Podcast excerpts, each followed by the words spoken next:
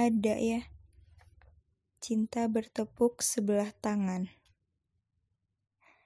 Sebenarnya, nggak selalu semuanya buruk. Dicintai memang indah, tapi mencintai nggak kalah indahnya.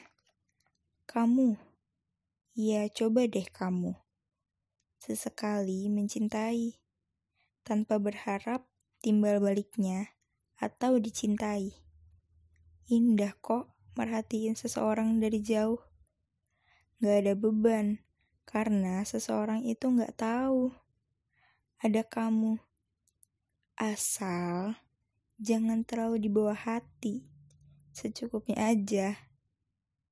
Jangan sekalinya kamu berpikir cuma ada hal buruk yang singgah di hidupmu.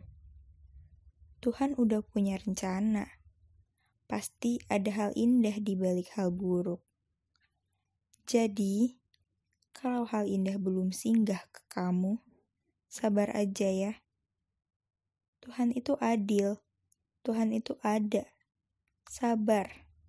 Kalau sekarang belum, nanti ada waktunya.